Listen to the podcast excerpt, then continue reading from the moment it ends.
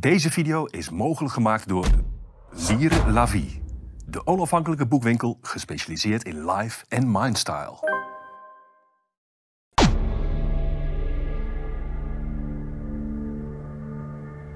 Mijn naam is Paul Cliteur en ik ben hier in een uh, gesprek met uh, Hans Mol. Althans, dat gaat straks plaatsvinden voor Café Weltschmerz. En wij gaan praten over zijn nieuwe boek... Uh, Sluipschutters in de tuin, een Indische geschiedenis. Hans, hartelijk welkom. Wat leuk dat je hier weer uh, wilt aanschuiven. We hebben uh, eerder een, uh, een paar programma's gemaakt voor Café Weltschmerz. Over eerdere boeken van jou. Ook, we hebben ja. ook al eens een keertje ja. aandacht ja. besteed aan de huismeester, de mammoet en de moslim. Klopt, toen dat verscheen. Ik heb het hier nog wel meegenomen. Met Geert en Waling. Ja. oh ja, met Geert en Waling. maar deze keer wilde ik beginnen met sluipschutters in de tuin en Indische geschiedenis. En ik vond het een geweldig werk, laat ik dat meteen maar zeggen. waar ik ongelooflijk veel van geleerd heb. Nou is dat betrekkelijk makkelijk, want ik wist van het onderwerp niks, zeg ik eerlijk gezegd. Maar ik vind dat je heel mooi... Uh, ja, het is een, het is een autobiografisch werk. Het is uh, literair, vind ik het geweldig geschreven... met een soort van onderkoelde humor en ironie. Complimentjes, complimentjes. Uh, ja, En, veel, en heel veel jeugdherinneringen. Uh, je bent, uh, toen je vier jaar oud was, uh, vermeld de achterflap, ben je in 1952 met je, met je moeder ben je hier aangekomen in Nederland. Um, je hebt dus eigenlijk je hele bewuste leven in Nederland doorgemaakt. Ja, want ik neem ja. aan, je hebt geen herinnering aan die eerste, aan die eerste vier levensjaren. Nee, toch? Een aantal, een, ja, bijvoorbeeld wat ik beschrijf met de Papua. Maar daar zit je, daar zit je met het moeilijke gegeven dat je niet goed weet of het je eigen herinneringen zijn of het je ja. toegeschreven herinneringen ja. zijn. Maar er zijn een aantal beelden, met name van die laatste jaren in Nieuw-Guinea. Ja. Waarvan ik het idee heb, ja, dat heb ik gezien en beleefd. Ik snap het. Uh, probeer uh, om te beginnen is dit boek te, te situeren in de rest van je oeuvre. ik, ik, ik heb het niet helemaal gelezen, maar toch wel wat. Ik denk dat ik meer van Hans Mol heb gelezen dan de doorsnee Nederlander. Wat, wat het, het, eerste boek wat ik van je las, dat was jouw boek over NRC Handelsblad. 2011, hoe de nuance verdween uit een kwaliteitskrant. NRC Handelsblad neemt stelling tegen Israël. Nou, die titel die geeft al ongeveer aan waar het over gaat. Maar daar kunnen we misschien straks ook nog iets over zeggen. Je bent journalist. Uh, het grootste gedeelte, denk ik, van je loopbaan ben je ja. journalist ja. geweest bij NRC Handelsblad. Dus daar kunnen we het straks over hebben. Het tweede boek wat ik van je gelezen heb, daar hebben we het net al over uh, gehad. Dat, uh, maar nog niet hebben we gezegd dat het uit 2016 is. De huismeester, de mammoet en de moslim. Getuigenis van mijn islamofobie. dus dat is erg, dat is erg duidelijk, mooi. Duidelijk. Een, een, een ironische bekentenis over je islamofobie. En het derde boek, uh, Sluipschutters in de tuin, waar we het net uh, over gehad hebben. Hoe, en daar zit telkens tussen die boeken zit er uh, ongeveer vijf, zes jaar tussen. Bovendien heb je ook nog andere boeken geschreven, maar dit is dan wat ik gelezen heb. hoe, hoe verhouden de sluipschutters zich tot, tot je eerdere werk? Een leuke vraag. even kijken, hoe zal ik beginnen? Ik ben een trage denker. Ik, ik neem dingen echt, uh, die, die, gebeuren om me heen en ik zie ze niet, ik begrijp ze niet. Het was heel langzaam worden dingen duidelijk. Zoals dat bij, uh, hoe heet het, uh, bij de krant is gebeurd. Ja. Hoe de nuance verdween. Ja. Het gebeurde om me heen en ik dacht, ja. maar goed. Dus ik ben traag. En als socioloog, ik heb sociologie gestudeerd, ben ik eigenlijk mislukt. Want ik zie het, ik ben journalist en socioloog en ik heb niet goed in de gaten wat om me heen gebeurt. Pas achteraf. En dat gebeurt ook een beetje bij sluipschutters. Ja. Ik denk dat ik uh, ja, begin, uh, eind 60 was toen ik me langzaam begon te realiseren van ja, ik draag toch, en met name mijn ouders, die dragen een geschiedenis met zich mee, die echt heel anders is dan uh, de meeste Nederlanders. Of eigenlijk dan alle Nederlanders. Alle ja. Nederlanders die hier tijdens de oorlog hebben gezeten, die na 45 zijn geboren, dat is anders. Ja. En uh, mijn kinderen die weten dat niet. Die, uh, nee. ja, papa is een Holland, papa is een Nederlander, niet een Hollander. Hè? Dat is een uh, groot verschil. Oké. Okay. dus dit, dit, ik heb het een beetje voor mijn kinderen ook geschreven. Van, gaandeweg gerealiseerd van jongens, er is iets aan de hand geweest hier aan voorafgaand. En dat moeten we niet vergeten. Hm. Ik ging uh, met mijn oudste een keer naar uh, de herdenking in Den Haag, uh, 17 augustus. Ja. Eh, dan moet ik goed uitkijken, 15 of 17 augustus. De, de, de, wordt, worden de doden van eh, Indië herdacht. Ja. En, je zit eh, vraag, vraag naar mij. Ja, nee, kijk, alsof kijk. ik je moet aanvullen. Maar jij bent de, voor, je- de voorzitter van de Federatie Indische Ja. Nederlanders. Zit Nee. tegenover mij. Dus die, Ja, dat, dat is heel gevoelig. Maar goed, en ik was daar met mijn, ik was daar met mijn oudste dochter. Honderden mensen die zitten daar. En ik vraag aan haar van, wat, wat vond je daar nou van? Ze zegt, nou ja, ik heb niks met die mensen. Nee. En toen had ik dat boek nog niet geschreven. Want ik denk, ja, het, het, dat zijn mensen ook uit de generatie van eh, jouw opa en oma en mijn generatie. En, eh, het is toch handig als je daar iets van weet. ja. Dat is een beetje. Ik hoop dat ik je vra- dat ik een antwoord heb gegeven op een vraag. Anders dan ben ik gewoon aan het praten geweest. Maar, Eh, nou, je hebt, je hebt dat, eh, voor mij dat boek eh Sluipschutters heb je heel mooi gesitueerd. Maar ehm, je, hebt, je, je, je, je, hebt, je hebt niet uitgelegd wat het te maken heeft met het, eh, met het islamofobieboek. En ook niet wat het met het NRC-boek te maken heeft. En misschien Nee, ja. zeg jij ook, dat zijn ook he- hele verschillende dingen. Eh, Nee. Maar ik, ik, ik zie daar een lijn ook Nee, in. je hebt gelijk. Maar- want, eh, ik denk dat ik zonder ook weer eh, eh, te beseffen, maar altijd, maar dat moet je niet, het is niet zwaarwegend, een beetje buitenstaander heb Ja. gevoeld. En, of ben geweest. En dat, zeker bij NRC Handelsblad, ja, zonder het te weten, nam ik dus een perifere positie in. Ik hoorde er niet echt bij. ja. En dat er niet bij horen, eh, ja, nogmaals, ik, ik wil het niet, eh, eh, hoe heet het, het is niet om interessant te doen. Maar het is natuurlijk wel een gegeven. Hè. Toen wij kwamen hoorden wij er ook niet echt bij. Hm. Nu wel hoor, ik, ik vind dat ik erg bij jou hoor. Bij, ja. maar dat, dat is misschien een beetje het, het gelijke. Had je aan iets anders gedacht? Nou, ehm, kijk, als ik, als, ik, als, ik, als ik iets heel in het algemeen zou moeten zeggen over, over jouw werk, dan ben je, dan ben je, je bent wel een beetje een buitenstaander in die zin dat je op een hele verfrissende manier naar dingen kunt kijken. Ook naar die Nederlandse cultuur kunt kijken op een manier eh, eh, die voor mij heel. Heel grappig was hoe je de jaren 50 typeert en wat je er allemaal over zegt. En over dat zo. Nederlandse zelfbewustzijn. Ja, dat had ik, Ja, dat had ik, had ja. ik, maar had, ik, ik had er nooit zo over nagedacht. En over eh, ja, hoe, hoe goed die, die, die Hollanders zich dan voelden met hun deltawerken. Ja, en die boter die de lekkerste was over de hele wereld. Ik heb ook, ik heb ook e- enorm zitten lachen. Ik vond het heel erg leuk. Eh, ook wat je allemaal vertelt dus over jou, eh, over, de, over, de, over, de, over de, je geschiedenis aan de universiteit. En dat je ouders die wilden dat je, dat je in Leiden ging studeren, rechten ging studeren. Dat wilde je helemaal niet. Want ja, nou, ja dan moet je bij zo'n koor met die fascistische ontgroeningspraktijken, zag je niet. Ja. Ging dus sociologie studeren in, eh, in Amsterdam. Maar daar viel je al heel snel ehm, eh, Ja, dat- ja, het, het, het cultuurrelativisme op. En weg even met- een stapje Ja? terug doen. Want eh, ja, mijn ouders wilden dus dat ik naar Leiden ging eh, bij het koor. Want daar deed je de contacten op. En Ja. dan werd je belangrijk. En dat wilde ik niet. Ik wilde naar Amsterdam. Maar Amsterdam was een stad van, van, van zonde en vrijheid. En toen zei ik, nou weet je wat, dan ga ik niet naar de Vrije Universiteit. En dat vonden ze geweldig. Ja, toen dachten ze, nou, eh, dat is- dat- pak van ons hart. Ja, dat, dat ik je heb ze beter daar naartoe had kunnen gaan dan naar, Ja. de, naar, de, naar de UvA. Dat, eh, dat snapten ze niet. Nee, dat is ontzettend leuk. Was ja. een beetje belazerd, maar ja, daar hadden ze, eh, wat ik ook schrijf, hadden ze maar beter moeten integreren. Ja, hadden ze ja, dat maar ja, beter moeten begrijpen. Ja, even, even voor de kijkers die het misschien niet, niet, helemaal door hebben. Maar, de, maar de vrije, de, um, Amsterdam is dus twee universiteiten rijk. De Vrije Universiteit, wat van oudsher een protestantse universiteit is, eh, opgericht door Abraham Kuyper.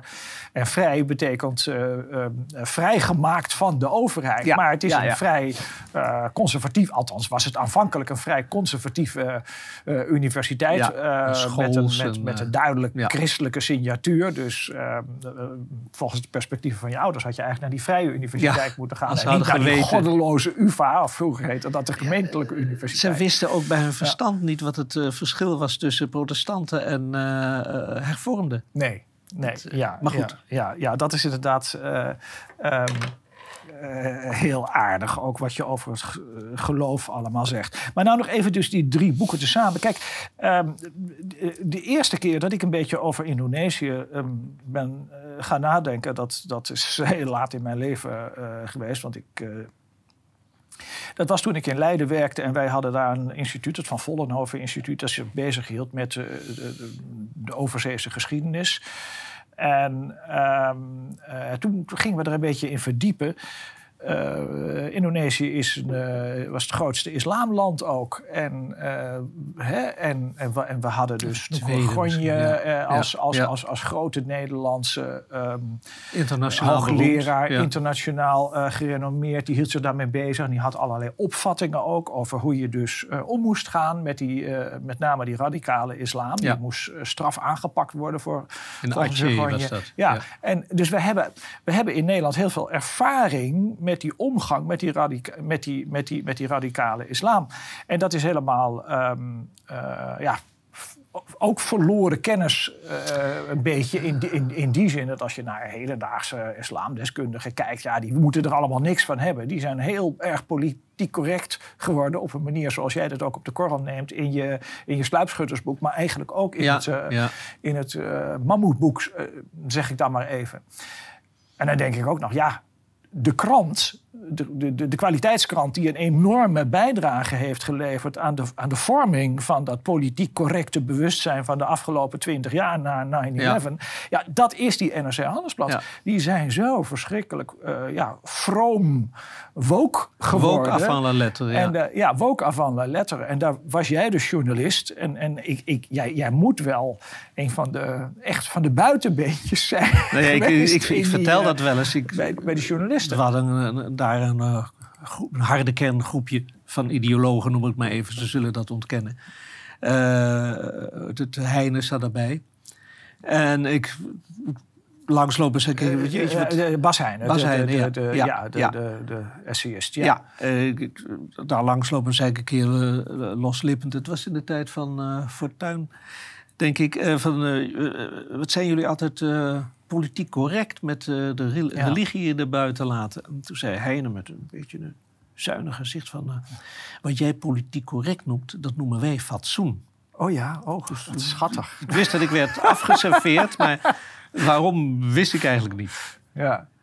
De, Ja. Religie is voor mij altijd iets geweest waar je gewoon naar kan kijken, waar je verder niks bij hoeft te voelen, waar je kritiek op kan hebben, zonder Ja. dat je de gelovige zelf, eh, Ja. dat je daar afstand van neemt. Die, eh, Ja. Ja, totdat er natuurlijk in, in, in, in een land een, een minderheidsgroepering komt eh, die eh, de islam is toegedaan.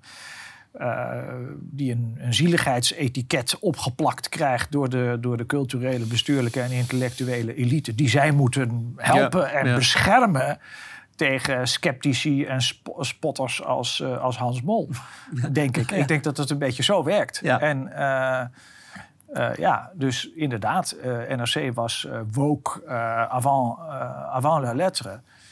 Ehm, maar wat ik er interessant aan, wa- wat ik dus interessant vind ook aan deze drie boeken en, en, en dus de, de, die, die, die lijn tussen, ik noem het maar je NRC-boek, je islamboek en je, en je, en je Indische boek, dat is dat ehm, maar je moet me corrigeren hoor, als ik dat verkeerd zie, maar er, er stijgt iets uit op van een soort van sceptische, ketterse, eh, vrijdenkersgeest die met zich meebrengt dat je, ja, je moet op alles vrij kunnen eh, Ja, reflecteren. ja, je moet ook overal een beetje de, eh, de, draak draak mee kunnen steken, je moet ironisch kunnen zijn, in- inclusief ironisch over die, over die gekke Hollanders met hun, met hun superioriteitsbewustzijn in de jaren 50. Ja. Hè, dus je bent een beetje spotvogel ben je in, in, in, in een zekere zin. Ehm, maar ook heel erg serieus. Hè? Want ik heb heel erg genoten ook van je, ehm, eh, van je herinneringen. Hè? Eh, ik, ehm, eh, vanmorgen dacht ik, je bent een soort van omgekeerde Mark Rutte. Jij, die herinnert zich heel veel niet, maar jij herinnert je heel veel wel. En je kunt er op een hele aardige manier over praten. Je hebt ook heel veel. Het is ook een, een boek een, een jongensboek in de zin dat je heel die, die jongens, met, wat, wat het betekent om een jongetje te zijn van, van 11, 12, 13 jaar, Ja, die die, een zak, zakmes wil hebben. en, ja, en, en, vlijm die- scherp maken en met speren naar elkaar gooien. En, Ja, ja het, het is een geweldige tijd. Met Ja. stenen naar elkaar gooien. ja, Te- ja. En een moeder die dat allemaal maar goed vond. Ik had hem eh, ja, ja, ja. beschreven, die boksbeugel. In Ja. mijn achterzak. En dan kreeg ik gaten in mijn eh, broek. En dat, die maakten ze dan. En wat, wat heb je dan in je zak? Nou, die boksbeugel. Daar hadden we de punt Ja. van geslepen. Ze zeiden, ja, als je dat in je broekzak blijft houden... dan ga ik je eh, broek niet meer maken. Nou, dat was haar enige commentaar daarop. Je bent helemaal opgevoed door je moeder. Nou ja, de Want ja, je vader die was altijd eh, in, die was aanwezig en af- fysiek afwezig en maar een beetje aanwezig. En naarmate je ouder werd, meer aanwezig geworden in de zin dat je nieuwsgieriger werd. Zeg ik dat? Ja, het is wat ingewikkeld. Eh, toen wij naar Nederland kwamen, is hij in eh, Nieuw-Guinea gebleven. Wij zaten daar de laatste jaren, Ja. of het laatste jaar. Eh, en er was ook voortdurend stammenstrijd en ziektes en ellende, noem maar op. Dus mijn moeder wilde daar ook vandaan. Mijn Ja. vader is daar gebleven. Die was bosarchitect. Dus die ging de, eh, hoe heet het, die, die sago, die had daar wilde sago-bossen. En die hielp hij in kaart te brengen. Sago, daar kan je zetmeel van maken. Nou ja, dat is een heel interessant, voed- Oké. het is een interessant voedingsgewas. Ik zou je daar niet mee vermoeien. Eh, En die is daar tot 62 gebleven. En toen werd Nieuw-Guinea deel van eh, Indonesië. En toen is hij naar Nederland gekomen. Dus ik heb in het begin gecorrespondeerd met een vader waar ik toen geen herinneringen aan had. Of Hmm. nauwelijks herinneringen. Ja, Ja. een herinnering die ik beschrijf dat hij eh, naar eh, een huilende Papua gaat die gestenigd is. En eh, dat mijn moeder dat vreselijk eng vindt. Dat, ja, dat beschrijf je Ja. ook, ja. ja, ja. dat- ik heb het idee dat me dat voor de geest staat. Dus het is altijd ellendig met dingen die je denkt te herinneren. Dat kunnen toegeschreven herinneringen zijn. Dus ja, en toen hij hertrouwde ook weer met een Indische vrouw. Hmm. Uh, dat speelde zich heel ver buiten Den Haag af. Haarlem en later naar Koganessaan. Heb ik weinig uh, contact met hem gehad. Tot ik uh, iets kreeg met een buurmeisje in Den Haag. En dat kon mijn moeder niet handelen. Werd ik in de kost gedaan. En dat was een geweldige tijd. En het was ook het is zo jammer dat het meer mensen niet kan overkomen. Als je in de kost wordt gedaan, dan kom je bij familie. Die is eraan gewend. Er komen vaak, uh, dat heb je bij Surinaamse families, heb je bij Indische families. Kom er maar bij, we hebben een kamertje. Ik heb nog een kamertje. En uh, zat op een gegeven moment een gescheiden ja. man, ook weer familie. En, uh, ja. Het was heel gezellig. En ja. er werd veel gegeten. Ja. Koempoelans, dus dat je bij elkaar komt. En dan, ja. Uh, dat was, uh, dat was uh, een, een, hoogtepunt van mijn Indische bestaan. Toen ging ik ook met enige regelmaat met mijn vader om. Dat beschrijf ik ook ergens. En ik hield op Indisch te zijn toen ik ging studeren.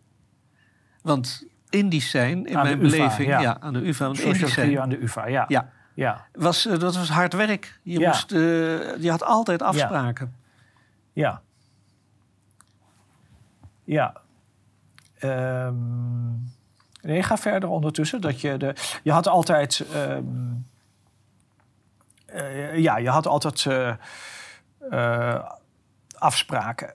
Je, je ging studeren aan die, um, aan die, uh, aan die, uni, aan die uh, universiteit. Um, en daar heb je een ontzettend interessante uh, opmerkingen maak je dan, vind ik, ook over... Want je deed ook culturele antropologie. Ja, als Klopt dat? Ja, ja. En, daar, um, en die culturele antropologie, dat, daar, de, toen werd je volgens mij ook een beetje um, geconfronteerd met, met, um, met cultuurrelativisme. Ja, ja.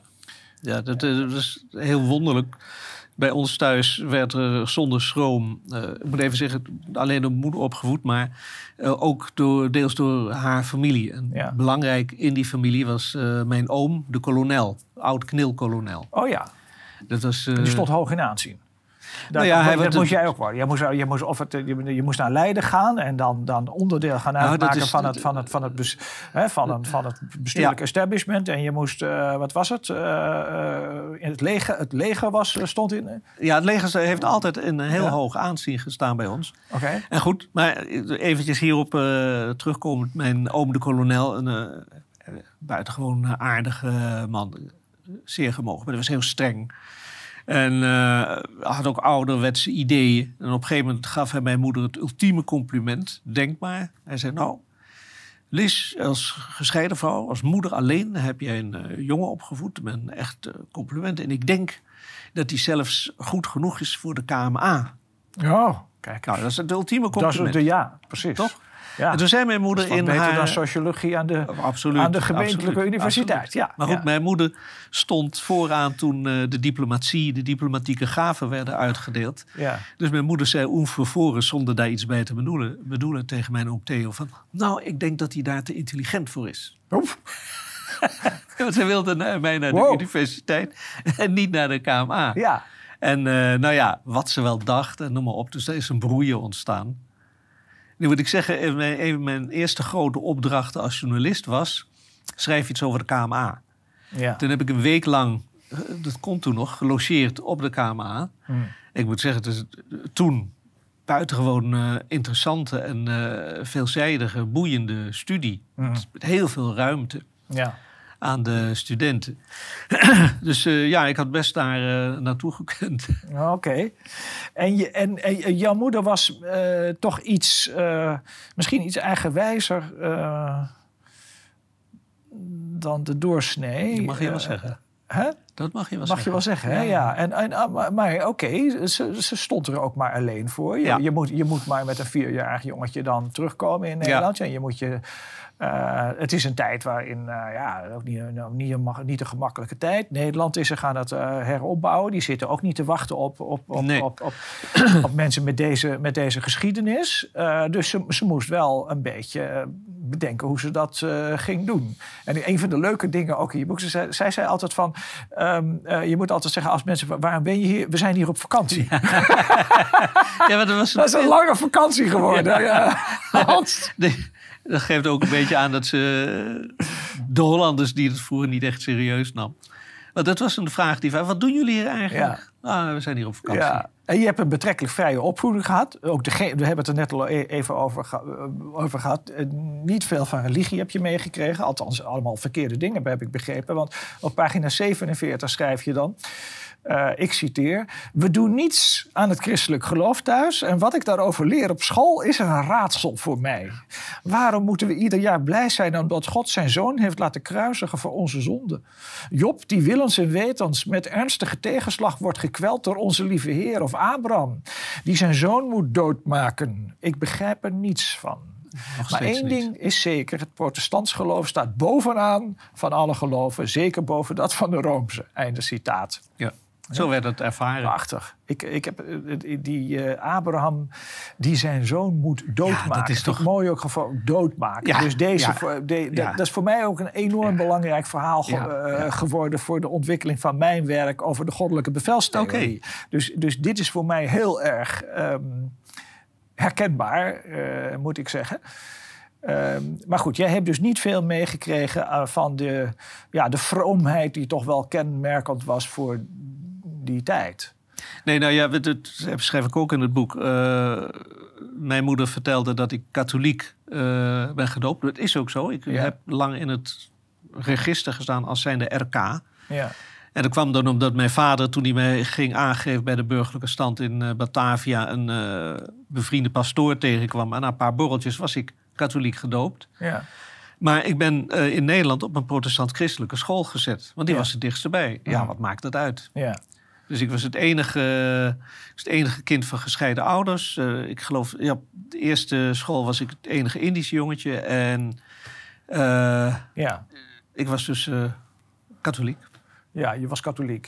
Ehm, eh, maar je was een bijzonder katholiek jongetje. En je had een bijzondere geschiedenis. En dan denk je tegenwoordig ook al een beetje aan, aan identiteitspolitiek en, en aan discriminatie. En of je geleden hebt daaronder.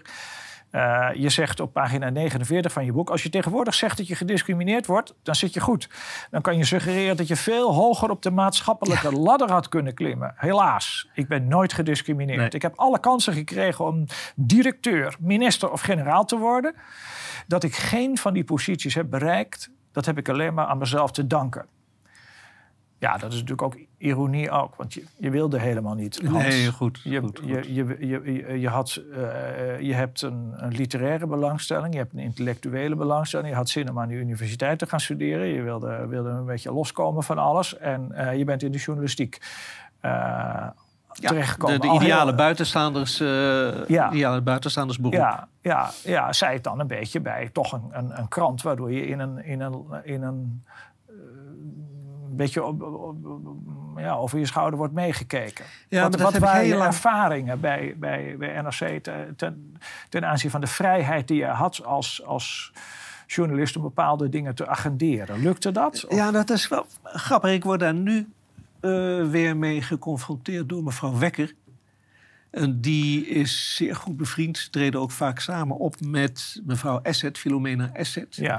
En op een gegeven moment had... eh, Maar we moeten even, voordat je verder gaat, ik wil even die mensen... De Gloria Wekker, dat is een eh, hoogleraar aan de Universiteit van Amsterdam. En die wordt over het algemeen eh, gezien als de grondlegger... van, het, van de hedendaagse identiteitspolitiek en van de woke-beweging, hè, wordt er tegenwoordig genoemd. En, en die- van eh, het, wat zij zegt is, jullie, blanke, witte, die hebben alleen maar voorrechten waar je niet van bewust bent. Hè? Dus jullie hebben... ja, goed. ja, inderdaad. Ja, ze heeft een boek geschreven, Witte Onschuld. Ja. En die Philomena eh Asset, die, eh, Alledaags tegen- racisme. tegen- ja, die heeft een boek geschreven over wat ze dan noemt alledaags racisme. En dan gaat het om de, de microagressies waar je mee geconfronteerd Ja. wordt in het dagelijks leven. Die niet expliciet racistisch zijn in de zin dat degene die die agressies plegen, die hebben niet, eh, die onderschrijven niet een groot Nee, ideologisch. Dus- racistisch ja, verhaal, maar in hun gedragspatronen en in hun neigingen en in wat ze zeggen en niet Ja. en wat ze niet zeggen, daar zit toch een soort van racisme verborgen. Nee, dat, dat was een proefschrift van haar, alledaags eh, racisme. Dat kwam uit, dat kwam in boekvorm uit. Ja, En dat eh, werd heel welwillend ontvangen, zeg maar in de linkse pers. ja, Je had toen nog geen eh, rechtse pers. Eh, en ik zat toen op een redactie en daar vroegen ze mij eh, of ik dat eh, wilde recenseren. Want Oh. zij konden dat niet. oh. Ah. Daar wacht, wacht eventjes. Heel grappig, waarom kunnen jullie dat Waarom niet? kunnen Ja. jullie dat niet? Nou Ja. ja, met veel, ja. Nou ja, jij bent meer van, Ja. jij hebt meer een, ja, je hebt een kleurtje. Ja. Oké. Zo voel je jezelf niet, zo ben je Nee. ook nooit behandeld. Dus Ja. omdat je een pigmentafwijking Ja. hebt van de norm, Ja. moet jij een inhoudelijk een boek bespreken. Ja, vanaf, Nou ja, goed. vanaf mijn vierde ben ik al hier, eh, zei jij tegen die NRC-luidjes. Nou ja, eh, ik ben, tegelijkertijd is het zo dat als je zoiets merkt, denk je, nou, inter- wel interessant, dus dat Ja. wil ik wel doen. Dus ik heb dat tuurlijk. boek eh, academisch tegen het licht gehouden en gezegd, eh, er klopt niks van, het Nee. is waardeloos, het is geen wetenschap, het is gezeur, Nee. gezeur en nou ja, noem maar op. Razend. Eh, ik Oh. ben bijna eh, gestikt in een brievenberg. Zoveel eh, boze mensen. Dus ik moest daar ook weer op antwoorden. Maar het waren geen argumenten. Het waren geen... Voordat het gepubliceerd werd of daarna? Nee, daarna. Dus ik had dus je had, dus jij, jij hebt een bespreking gemaakt van Ja. Philomena Asset, Ga maar eens haar boek. En dat ging, nou, ze dachten die Hans, die gaat dat wel een beetje, een beetje ophemelen en Nee, zo. nee, nee, nee, nee. Ze, kijk, dat was ook zoiets. Eh, Die, mijn collega's, mijn blanke collega's, die Ja. hadden in de pers al vernomen dat het. eh, nou, ah, ze waren het daar niet mee eens. Zij, zij, eh, Nee, zij geloofden dat allemaal niet. van die Philomena niet. Nee, de, van die nee, Filomena. maar ze durfden ze niet te zeggen. Nee, Nee. nee, nee. dat moest ik doen. Nee, dat moet iemand black. anders voor ze Ja, doen. ja, dat, ja. ja oké. Maar goed, dus ik schrijf wat ik eh, daarvan vind. En daar kwam heel veel, eh, erg veel brieven op. Die moest ik ook weer in een apart stukje weer leggen. Dat, ja, Wanneer was dat ongeveer? Even kijken, als je googelt eh, Hans Mol, Philomena Asset, ik geloof ja, begin jaren 90. Oké. Eind jaren 80, Ja, begin ja, jaren ja. 90. ja, dan was dat natuurlijk toch ook... eh, nou, wat we dan nu woke noemden, dat, eh, en, toen politiek, politiek correct, dat was natuurlijk ook... Volgens mij bestond die term nog niet eens, Nee. politiek correct. Oh, zelfs dat niet. Oké. Ja. Maar ik, ik, ik, ik begrijp het, ja. Eh, Dus oké, dus jij had die bespreking gemaakt en dat... eh, dat ja, dat, dat, Dus ik, dat- ik had ook de ruimte om eh, dat ja, te doen. dat wel En even, ja. Volstrekt eh, vanzelfsprekend. En ik had Ja. het idee dat in die tijd ook eh, de krant behoorlijk liberaal was. In de zin van laat alle eh, stemmen aan het woord komen. Oké. En dat is gaandeweg. Ik heb wel eens de eh, hypothese gehoord. Ik geef hem door voor eh, wat het is. Dat de krant inderdaad heel liberaal was. In de zin van eh, vrijheid voor iedereen. En dat ze in die vrijheid een aantal eh, zeer linkse journalisten hebben Mm. aangenomen. Die op een gegeven moment een soort machtsblok zijn gaan Ja. vormen. Waardoor dat eh, is veranderd, die, die vrijheid van Ja, dat kan. mening. Volgens mij klopt het wel wat je zegt. Ik, ik, ik heb ook nog wel stukjes geschreven in NRC Handelsblad lang geleden. Dus maar in die, die periode was het ook wel zo. Ja. Je had daar bijvoorbeeld... eh, Eh, de oude Heldering bijvoorbeeld. En dat las ik dan. En dan reageerde ik eens op Heldering. En uh, nou, dat, dat, dat, dat, kwam er dan ook in, weet je. Dat, dat, dat, ja, dat, dat, dat, was een redelijk vrij uh, discussieklimaat. Tot ik een keer een stukje heb geschreven, kan ik me herinneren, dat, dat, dat is ook nog steeds makkelijk te vinden op, in, uh, op, op internet. Uh, niet alle culturen zijn gelijk. Als kop daarboven had ik gezegd. En dat, mag, mag dat, ik even vragen? Heb ja? je dat geschreven naar aanleiding van het commentaar van de toenmalige hoofdredacteur, het hoofdcommentaar? Nee, dat was eigenlijk naar, naar aanleiding van uh, uitspraken die uh, Silvio Berlusconi had gedaan. Die Silvio Berlusconi die, die had opmerkingen gemaakt over de Europese cultuur. En die Europese cultuur was beter dan andere culturen. En um, toen viel iedereen over hem heen. Ook natuurlijk omdat het Berlusconi was. En ik dacht, ja, ja maar ja, als, als, als, als wij uh, uh, iets willen met Europa en, en we hebben mensenrechtenverklaringen en wij uh, vinden dat je de doodstraf niet meer mag hebben in Europa, we hebben allerlei toetredingscriteria, dan vinden wij toch Europa iets mooiers dan, laten we zeggen, Nazi-Duitsland of, of de Sovjet-Unie. Ja, dat, dat is ja. toch. Dus ja. ik begreep dat nooit. Ik, ik, ik, ik dacht, nou ja, de mens is, is, is, heeft een soort van onvervreemdbare individuele waardigheid. En alle culturen waarin dat niet erkend wordt, die zijn minder goed dan de culturen waarin het wel erkend wordt. Ja, en tot ja. zover gaat het goed. Hè? Dan worden mensen nog niet boos. Maar als je dan zegt, ja, maar dan is toch die ene cultuur superieur dan die ja. andere. En dan verstijven mensen, want er is een woord zitten dan. Hè? En, en nou, daar heb ik toen ook uh, heel wat, uh, okay. heel wat negatieve pers overheen gekregen. De, maar het, het, werd, het werd wel gepubliceerd. Uh, dat zou nu denk ik niet meer kunnen in NRC. Maar dat werd toen wel, uh, ja, wel ja, geplaatst. Ja. Uh, maar goed, dat, dat, dat heb jij dus... ehm, maar ik heb je van je apropos afgebracht. Ja, doe dat vooral. Door, door, door ja, mijn, maar jij kan me weer terugleiden, begrijp ik. Ja, ehm, nou, dat, dat, dat, hoop ik dat, uh, dat hoop ik dat dat gaat lukken. Um, uh, want ja, kijk, die woke, die hele woke-cultuur is nu een enorm probleem. Hè? Ik heb nu net een, een boek van ja. Martin Harlaar gelezen. Ben ik nog wel woke genoeg? En als je dus... Die geeft een uitvoerige uh, weergave van alles wat er allemaal... Ja, ook in de Verenigde Staten van Amerika gebeurt. In, in, in uh, het Verenigd Koninkrijk gebeurt. Mensen die dus gewoon onderzoek doen. En, heb jij dat nou zien aankomen? Ja, nou, de, wat ik niet heb zien aankomen, de, dat is uh, de heftigheid van de discussie en ook de consequenties. Want kijk, mevrouw Esset en mevrouw Wekker, die kunnen dan wel die boekjes schrijven. En die worden door, denk ik, door heel veel mensen een beetje weggelachen of werden weggelachen. Maar dat het ook betekent dat je als hoogleraar uh, klassieke letterkunde ontslagen kan worden aan een elite-universiteit in ja, de Verenigde Staten. Ja. Omdat je toch echt denkt dat het onzin is dat de Grieken het allemaal van de Egyptenaren hebben gestolen. Weet je wel? Dat kun je niet zo goed ja, voorstellen. Dat, dat, en en uh, dus een, een, uh, dat, er, dat, je, dat als je dus in het Verenigd Koninkrijk nu een, een boek bij Routledge uit, uitbrengt over het religieus terrorisme en je zegt dat het jihadisme een probleem is. Uh, dan zijn er studentenverenigingen die die platformen. En dan zegt uiteindelijk toch de, de, de, de universiteitsbestuur... ja, ja, het is wel... Ja, ja, ja, dat het is wel zo dan deplatforming? Ja, dus dat, dat, is ook een. Uh, die platforming, nou, dat, dat je geen platform meer krijgt. Ja, ja, ja, of, ja, dat je, of, ja. of je wordt disinvited. Hè, dus wat Ayani Asiali natuurlijk wel. Dus dan denken mensen, oh, denken, zo'n een of andere universiteit. Die denkt, nou, de mevrouw die is zwart, die is besneden, feminist. Nou, fijn, die gaan we uitnodigen. En dan gaan ze er lezen. En dan denken ze, oh nee, dat kan niet. En dan wordt ze weer dis, disinvited. Dat, dat kan al. Ja, dat, ja, ja, Nou, die, die Precies. Maar die Martin Harlaar die geeft daar een enorm uh, overzicht van, van wat er allemaal gebeurt op dat terrein. En, en dan schrik je wel. Ja, ja. Dan zie je ook dat het ook niet meer uh, volgens mij. Uh, uh, ja, je kan nu Gloria Wekker een beetje links laten liggen. Maar op het moment dus dat, dat zo iemand een officiële status krijgt. En, en dat wordt echt de ideologie van de, ja diversity officers. En dat gaat het aanstellingsbeleid aan universiteiten bepalen. Ja, en het, ja. niet alleen het ontslagbeleid, maar ook het aanstellingsbeleid. Ja. En mensen gaan dan allemaal, die worden steeds braver. En die gaan een beetje kijken nou ja, naar hun carrièrekansen.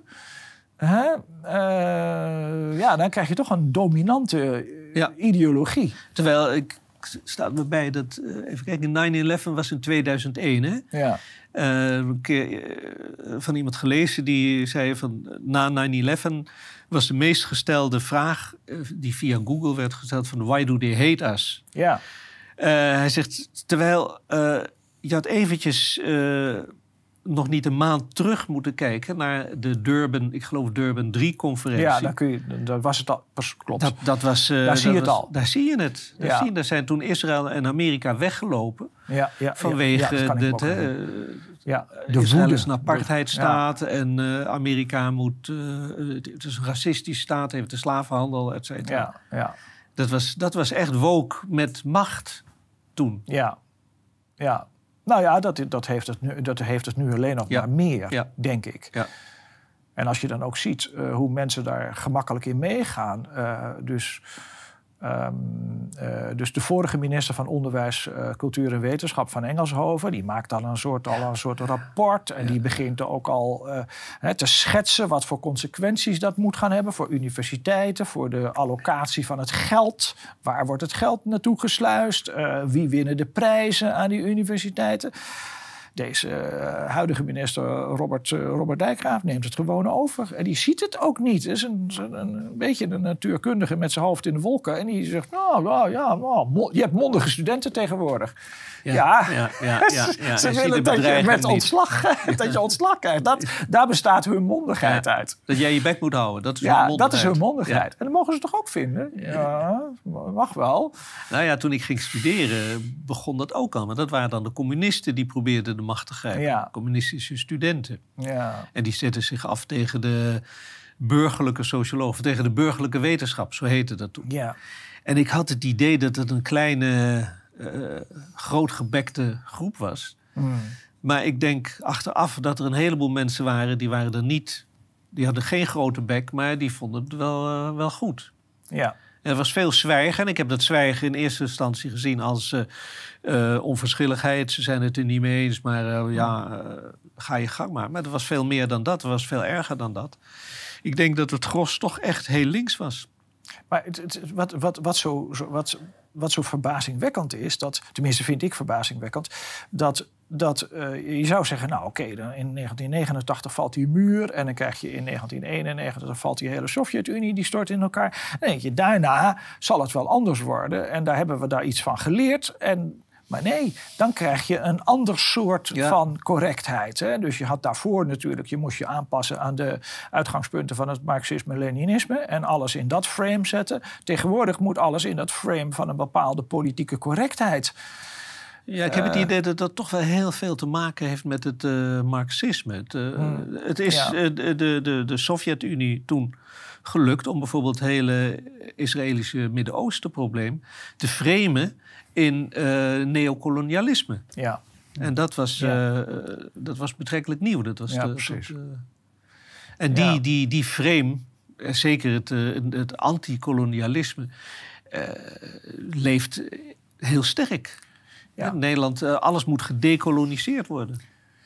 ja dat heb je tegenwoordig nu. eh, het, het curriculum moet ook gedecoloniseerd worden. Hè? Dat, dat krijg je- Officieel. Dat, hangt van, dat verschilt van universiteit tot universiteit. Ehm, eh, ik heb daar in Leiden aan de rechtenfaculteit nog niet zo heel veel van gemerkt. Het is niet zo dat daar mensen aandringen op de decolonisatie van het privaatrecht en de decolonisatie van het strafrecht.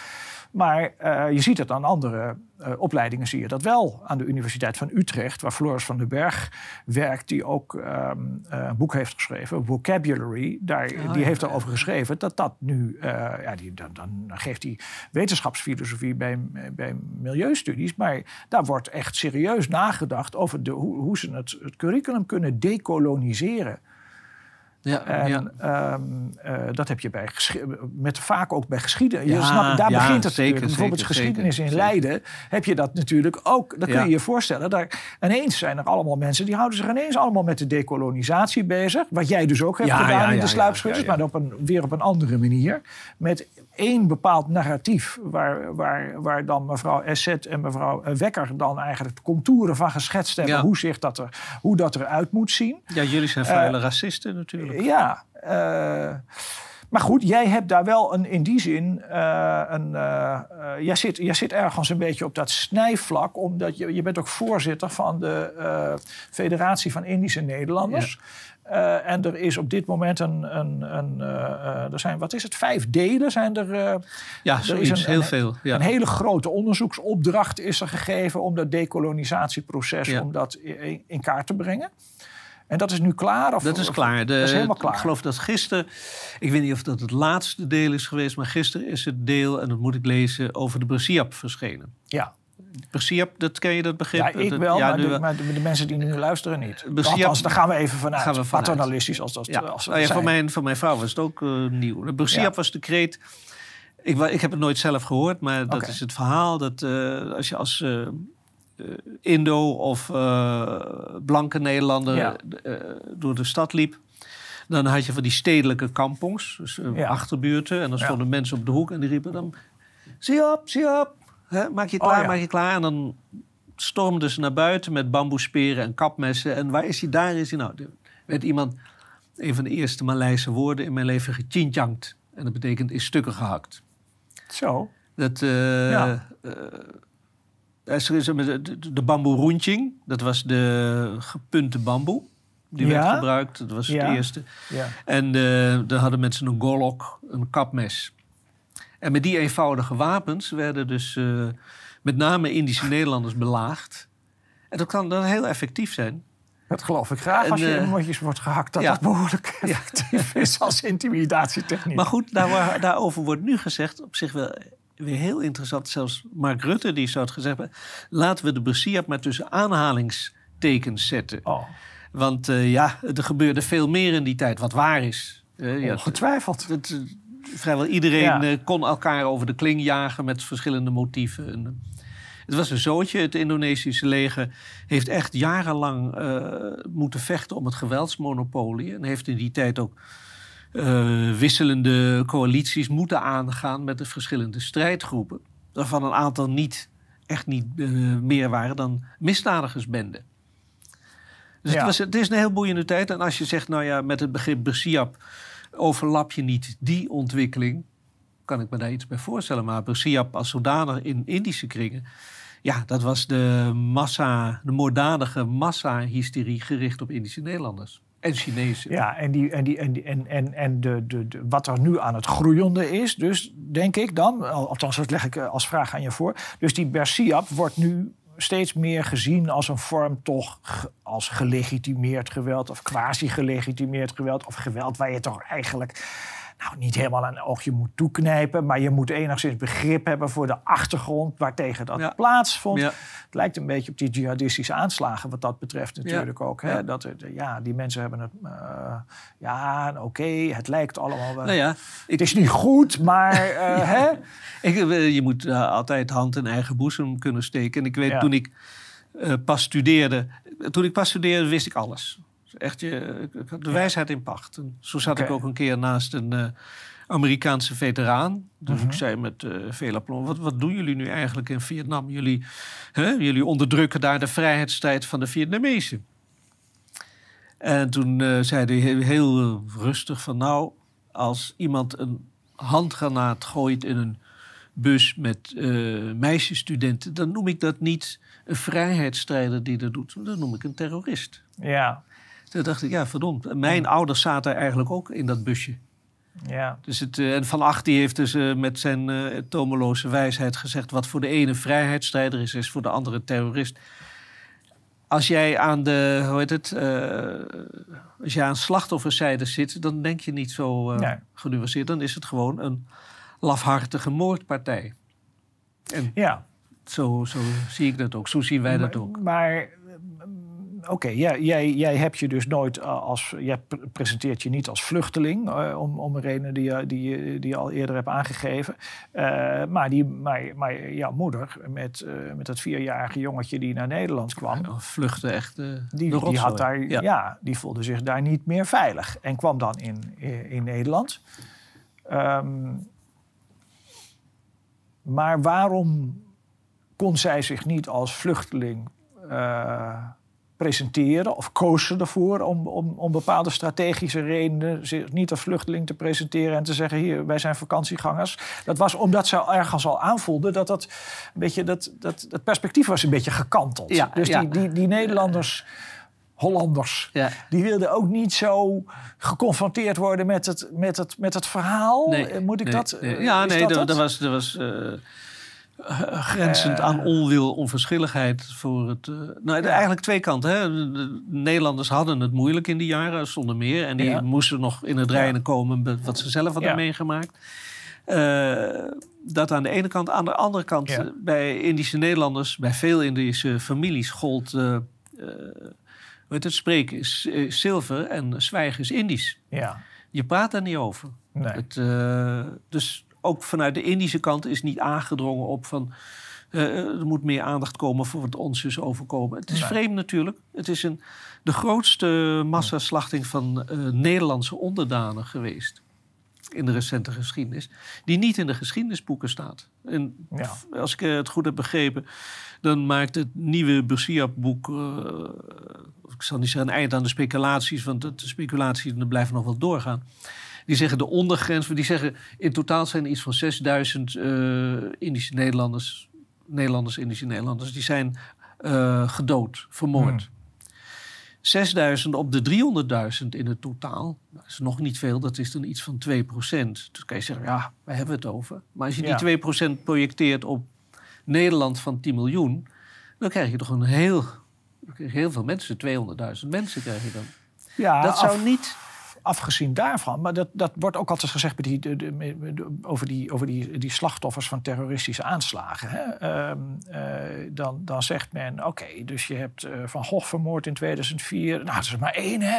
En, en ja, en dan, eh, nou, wat hebben we... En dan hebben we, nou, die, dan tellen we daar nog bij die, die, die, die, die Charlie Hebdo Ja, ja, redactie ja, bij ja. op. Nou, dat zijn er twaalf. Nou, ja. ja, waar hebben we het nou eigenlijk over?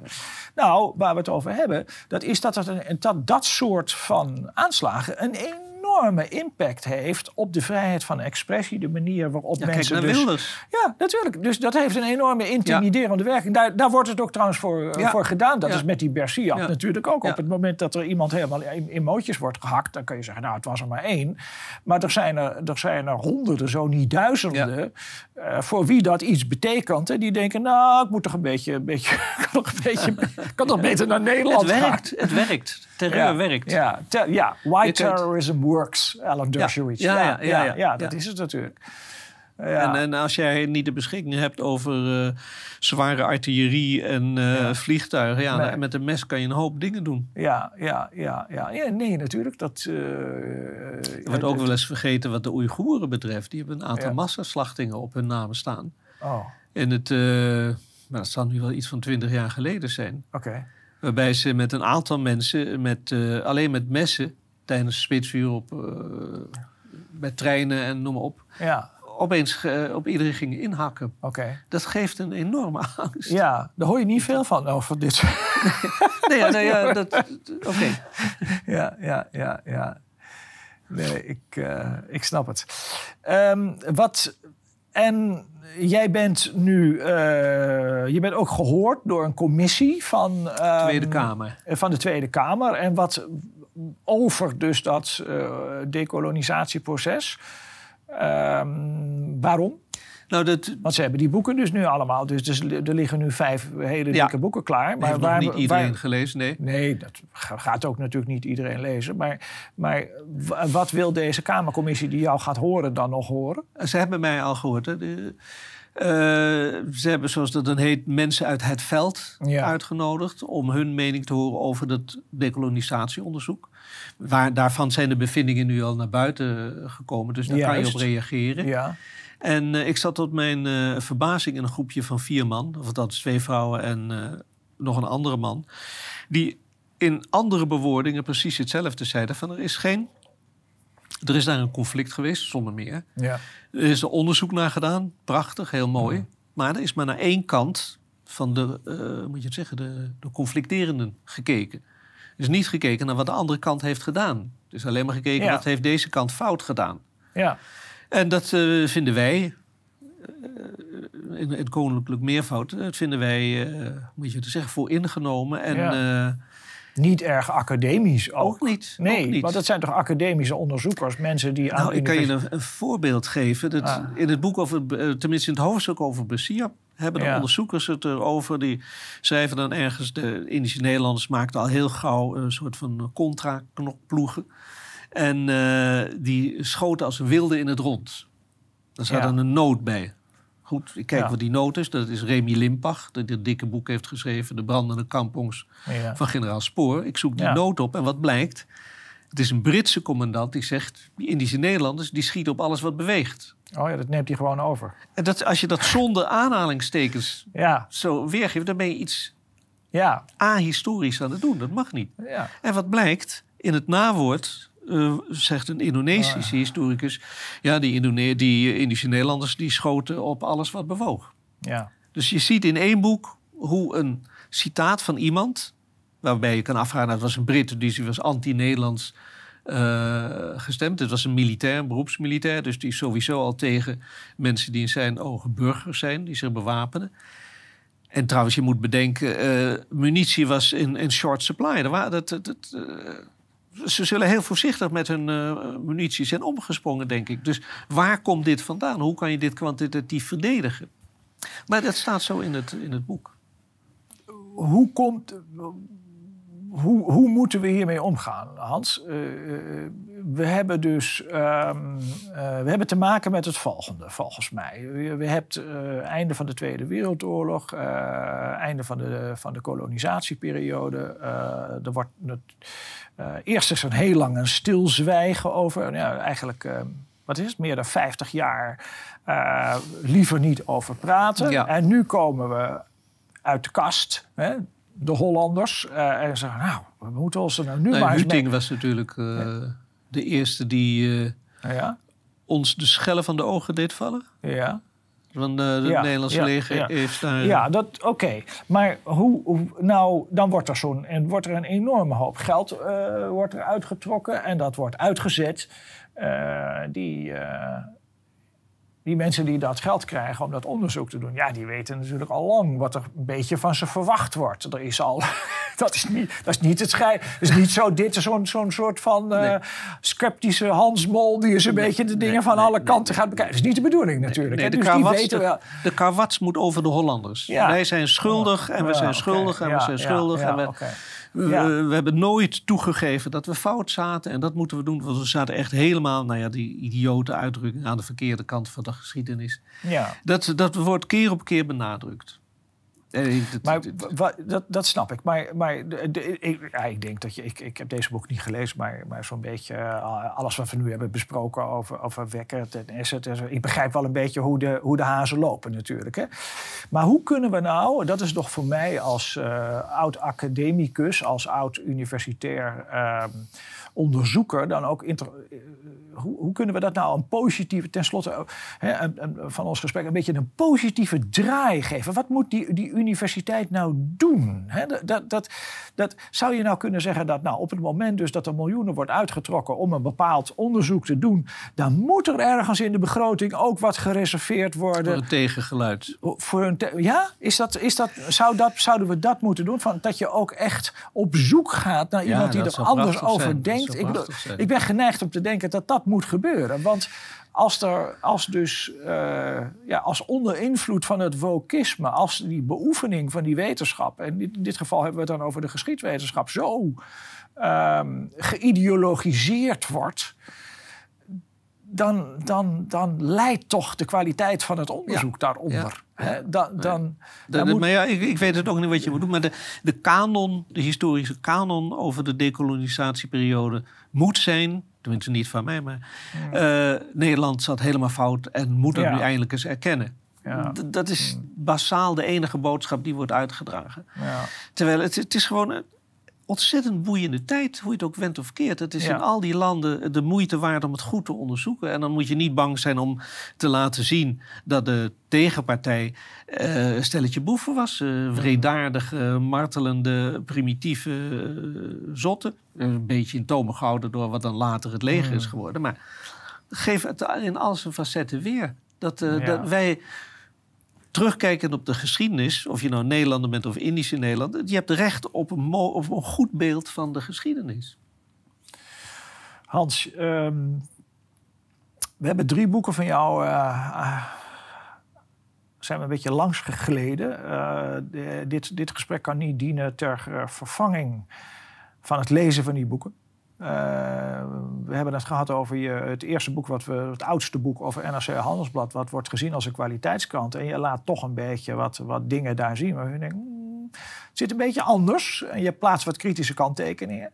Eh, dat heb je ook gedaan in je boek over, ehm, eh, ook, ook ten dele autobiografisch, over de, over de islam. Het, ik noem het het islamofobieboek. Ja. En dat heb je nu ook weer gedaan in het boek over, over eh, eh, de Indonesische of de Indische kwestie, sluip, sluipschutters in de tuin. Ik heb het ontzettend, eh, ik, ik heb het ontzettend gewaardeerd om het te lezen. Ehm, eh, eh, ook, en dat is dan het laatste.